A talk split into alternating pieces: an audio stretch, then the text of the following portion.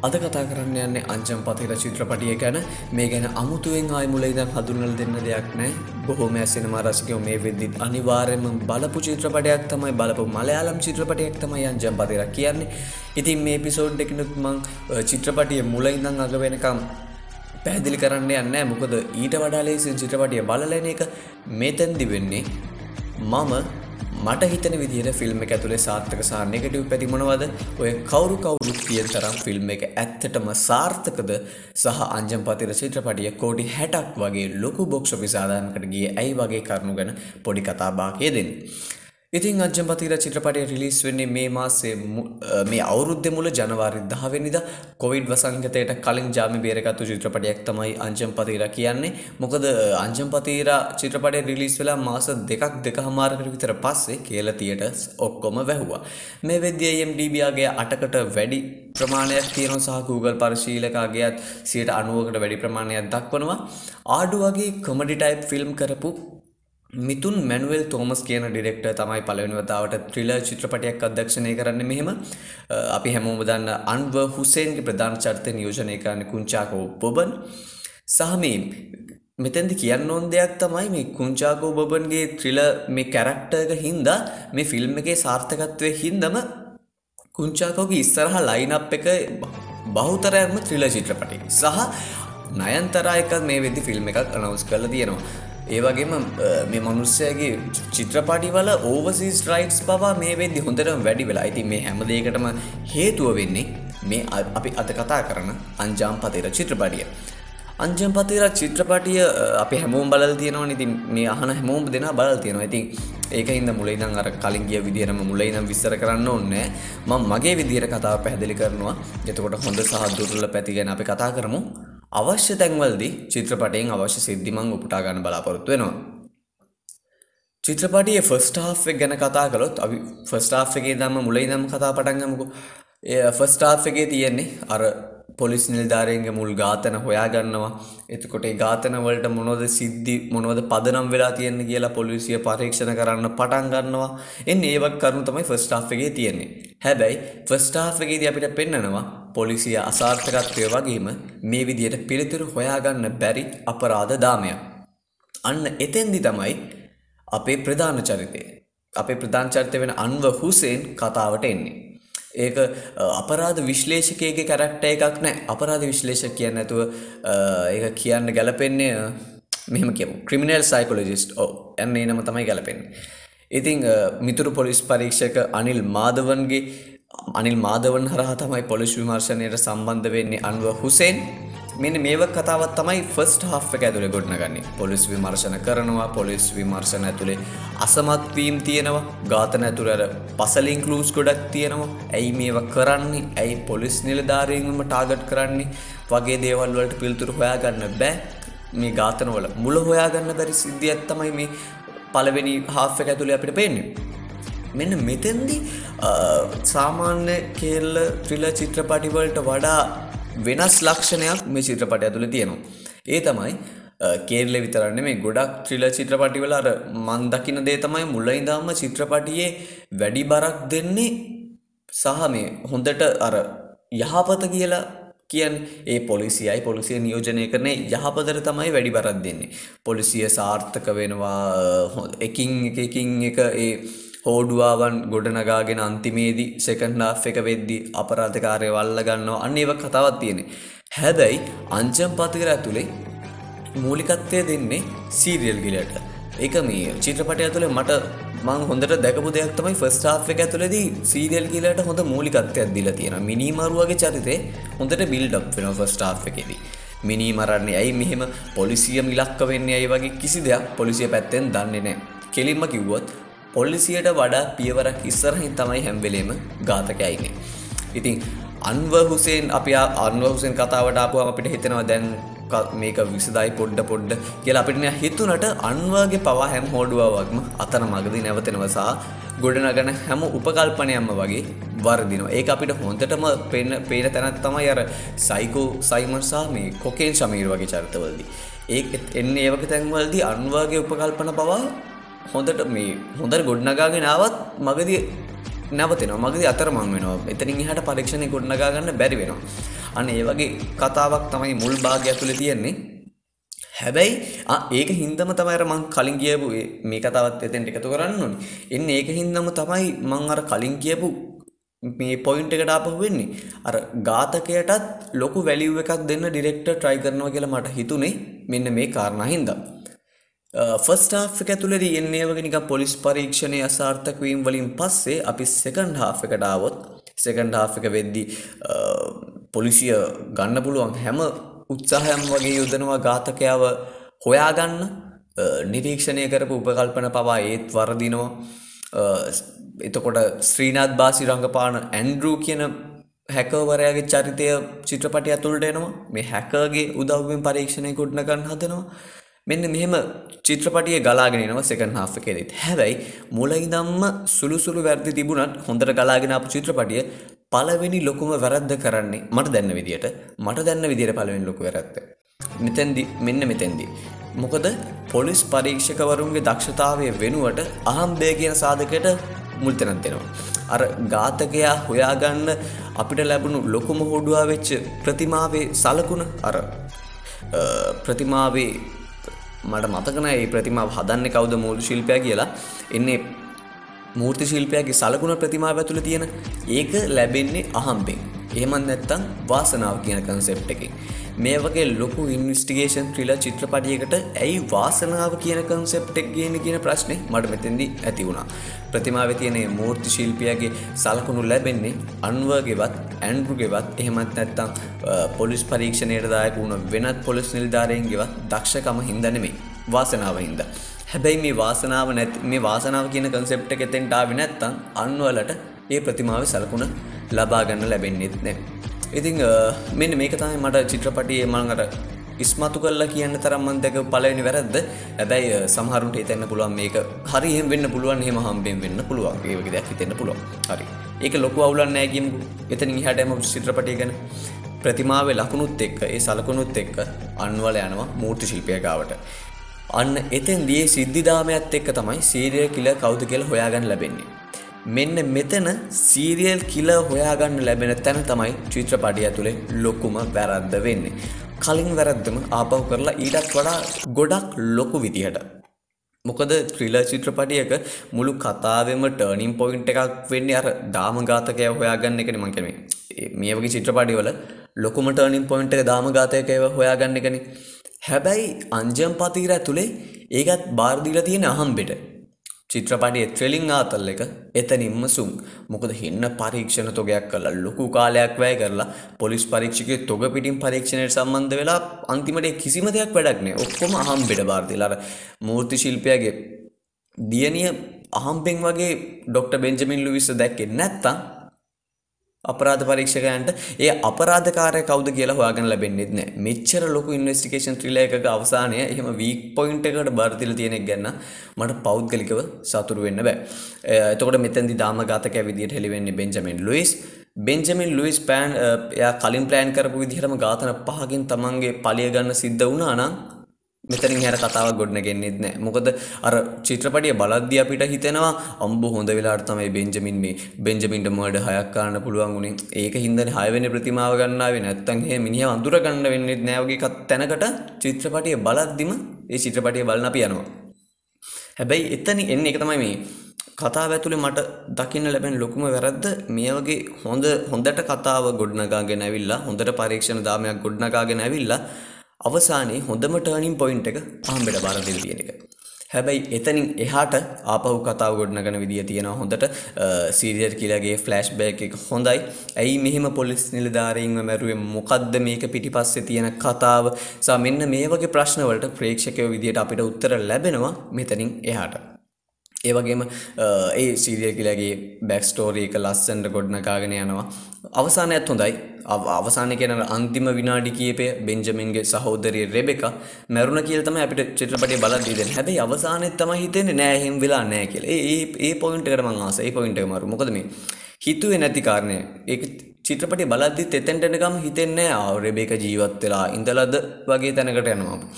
හැබැයි මේ එතනදිම තියෙන තව වීක් පොයින්ට් එකක් තමයි අනිල්ල මරණ විදිය. මොකද මේ එතන නම් මට රෙබෙක අනිල්ල මරණ විදිය එතන නම් මට නම් ෆේල්. මොකද අන්වර් එනවා එද්දි රෙබෙකා අනිල්ගේ කාමරේ ඉඳන් එලියට එනවා අන්ව පොඩ්ඩස්සකින් බලනවා ඒ එතන ගණන් ගන්න ගීල බලද්දියන්ව සමයන් අනිල් මැරිලා උඩ තට්ටු වින රෙබෙක කියලා ඊට පස්සේ අන්ව කෑ ගන්නවා එච්චර. එතනින් එහාට අහල පහල මිනිස්සු රෙබෙකව දැක්කද මිනිහෙක්ක මෙහෙම මරලා තියෙද්දි අන්වගේ හැසිරීම කොහොමද ඒව ගැන නිකන් ආටිෆිෂල් ගතියක් වගේ තියෙන චිත්‍රපටය ඇතුලේ. එන්න ඒක තමයි මට මේ අවසානයේදී දැකපු වීක් පොයින්ට් එක. හැබැයි ඕවරෝල් ගත්තහම චිත්‍රපටය ඇත්තරම හොඳයි මේ. හරි. අපි හොඳ ටික කෙලින්ම පොසිටිව් පැත්තට ඇවිල්ලාම කතා කරමු. මෙතන දැන් තියෙන්නේ චිත්‍රපටය ඇතුලේ මම දැකපු පොසිටිව් පැත්ත. ඕවරෝල් ගත්තාම චිත්‍රපටය ඇත්තරම හොඳයි. කාලෙකට පස්සේ කේරළ මිනිස්සුන්වත් තියටර්ස් වලට පැක් කරපු හොඳ ත්‍රිලිං මේ එක්ස්පීරියන්ස් එකක් ගන්න පුළුවන් චිත්‍රපටියක්. මේ පොෆෝමන්ස් ගත්තාම අපිට කතා කරන්න තියෙන පෆෝමන්ස් මූලික තුන් දෙනෙක් විතර ඉන්න පුළුවන්. අන්ව හුසෙන්ගේ චරිත රංගපාන කුංචාකෝ බොබන් කුංචාකෝ රංගපෑම් ගැන අමුතුවෙන් මං කතා කරන්න දෙයක් නැහැ. ෆිල්ම් එක බලපුවම තේරෙනවා.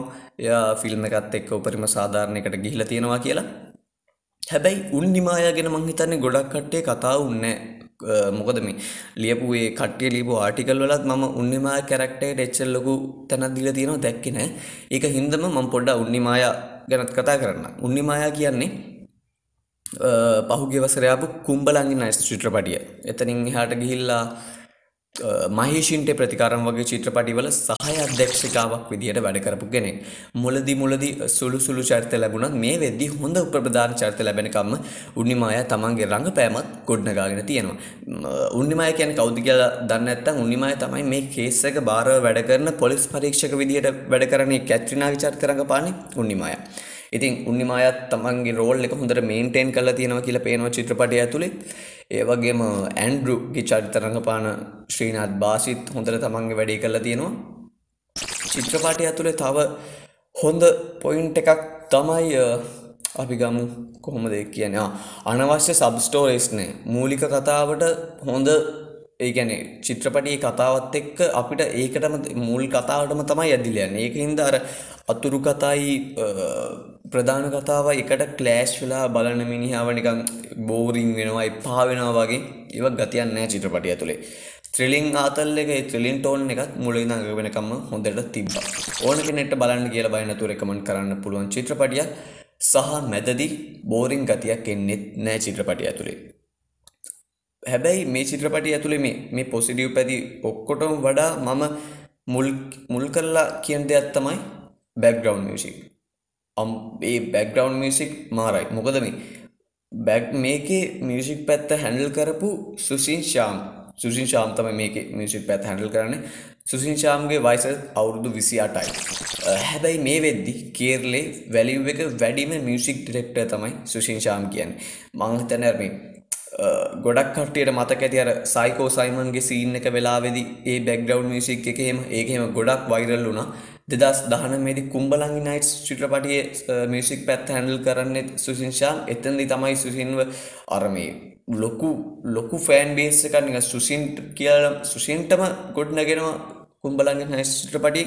එතනින් ඇවිල මේ අවුත්තදි අංජම් පතිරයේ සාර්ථකත්වයටත් සුසින්ගේ ලොකු දායකත්වයල් ලැබිලා තියෙනවා. චිත්‍රපටියේ ඔවු පොසිටිව් පැත්ත. ඉතින් මේ මේටික තමයි පොසිටිව් කියල මට හිතෙන්නේ. නිකටව් පැත්ත ගැන කතා කළොත් අර මම මට චිත්‍රපටිය ඇතුළි දක්න ලැබෙන ලොකුම වීක් පොයින්ට් එක වැරද්ද?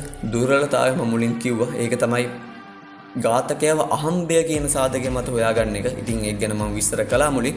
ඒක හැර සමහර සීන් දකිද්දි හිතුන මේක වෙනුවට ඉන්වස්ටිගේෂන් පාට් එකක්ම දැම්මනම් හොඳයින්නේ කියන මතේ පොෆෝමන්ස් වල තර ජිනුගේ අනිල් මාදවන්ගේ චරිතරංගපාන ජිනුගේ පොෆෝමන්ස් හොඳට තිබ්බෙ නෑ කියන එක තමයි මගේ මතය. මගේ මතේ මොකද මේ අනිත් චිත්‍රපටිත් එක්ක බලද්දි එච්චර දෙයක් කරන්න තිබුණෙත් නෑ ඇත්තරම මේ අංජම් පතිර ඇතුළේ හරි ඒක ඉතින් එයාගේ රෝල් එක විනාඩි ගානකට සීමාව වෙන හින්දා ඒක අවුලක් නෑ කියමුකෝ. ඒ වගේම මේ මට නික හිතුණ තව දෙයක් තමයි මේ මම මේක මේ තව එක තැනක තව එක ආටිකල් එකක දැක්කා. අර අන්ව හුසේන් අපේ ප්‍රධාන චරිතේ ප්‍රධාන චරිත කිව්වම නිකන් හොඳ ලොකුවට බිල්ඩ් අප් කරපු ලොකු චරිතයක් වෙනවනේ. චිත්‍රපටය ඇතුලේ අංජම් බතිරා ඇතුලේ. හැබැයි එයා ගොඩක් තැන්වලදී ඇන්ඩ්‍රු කියන හැකවරයා මත් තමයි යැපෙන්නේ. ගොඩක් විසදුම් හොයද්දී එතකොට ගොඩක් උපදෙස් ගනිද්දි තමන්ගේ දක්ෂතාව වෙනුවට ඇන්ඩ්‍රු කියන හැකවරයාගේ දක්ෂතාවයට තමයි තැන දීලා තියෙන්නේ. මෙන්න මේකත් මට ඇයි එහෙම කළේ කියන වගේ දෙයක් හිතුන තැනත් තමයි චිත්‍රපටිය ඇතුලේ. ඔව් අපි නෙගටිව් පැත්ත ගැන දැන් මෙහෙම කතා කළා පොසිටිව් පැත්ත ගැන කතා කළා. හරි බොක්ස් ඔෆිස් ආදායම ගැනත් කතා කරමු. මොකද මේකේ බොක්ස් ඔෆිස් ආදායම කතා කරේ නැත්තම් එන ලොකු අඩුවක් වගේ හිතෙනවා. මේ අවුරුද්දේ මුල රිලීස් වුණු චිත්‍රපටියක් විදිහට අංජම් පතීරා හඳුන්වන්න පුළුවන් වගේම මලයාලමේ මේ වසරේ මේ වෙද්දි වැඩිම ආදායමක් ලබපු චිත්‍රපටිය තමයි අංජම් පතිර කියන්නේ. ඒ වගේ මෑත කාලීන මලයාලමේ වැඩිම ප්‍රොෆිටබල් චිත්‍රපටි ගත්තොත් එන්න ඒ ලයිස්තුවේ දෙවන තැන අංජම් පතිර චිත්‍රපටියට හම්බ. අංජම් පතිර චිත්‍රපටියේ පළවෙනි දින ආදායම් විදිහට තිබ්බේ කෝටි එකයි දශම එකක් වගේ සුළු ආදායම බොහොම පොඩි ආරම්භයක් එච්ච ලොකු හයිප් එකක් තිබ්බ චිත්‍රපටියකුත් නෙමෙයි අන්ව හුසේන් රඟපාන කුංචාකෝ බබන් කියන්නේ ලොකු ෆෑන් බේස් එකක් තියෙන නළුවෙකුත් නෙමෙයි. ඉතින් මේ වගේත් එක්ක මෙන්න මේ වගේ එන චාටර් ආරම්භයක් තමයි ගත්තේ. හැබැයි තමන්ගේ ගමන අවසන් වෙද්දී ඉන්දියානු කෝටි 60කට ආසන්න මුදලක් අංජම් පතර චිත්‍රපටියේ ගොඩනගා ගන්නවා. මේ අංජම් පතර චිත්‍රපටිය හඳුන්වන්නේ ලුසිෆර් චිත්‍රපටියට පස්සේ මෑත කාලිනව ලොකුම හයිප් එකක් ගොඩනගපු චිත්‍රපටිය විදියට. හැබැයි දැන් මේ දැන් මෙහෙම හයිප් එකක් ගොඩනගයකුවට මං කිව්වනේ මුලින් පළවෙනි දවසේ ආදායම බොහොම පොඩි ආදායමක් කියලා. එතකොට කොහොමද කෝටි 60ක් වගේ ලොකු ආදායමකට ආවේ?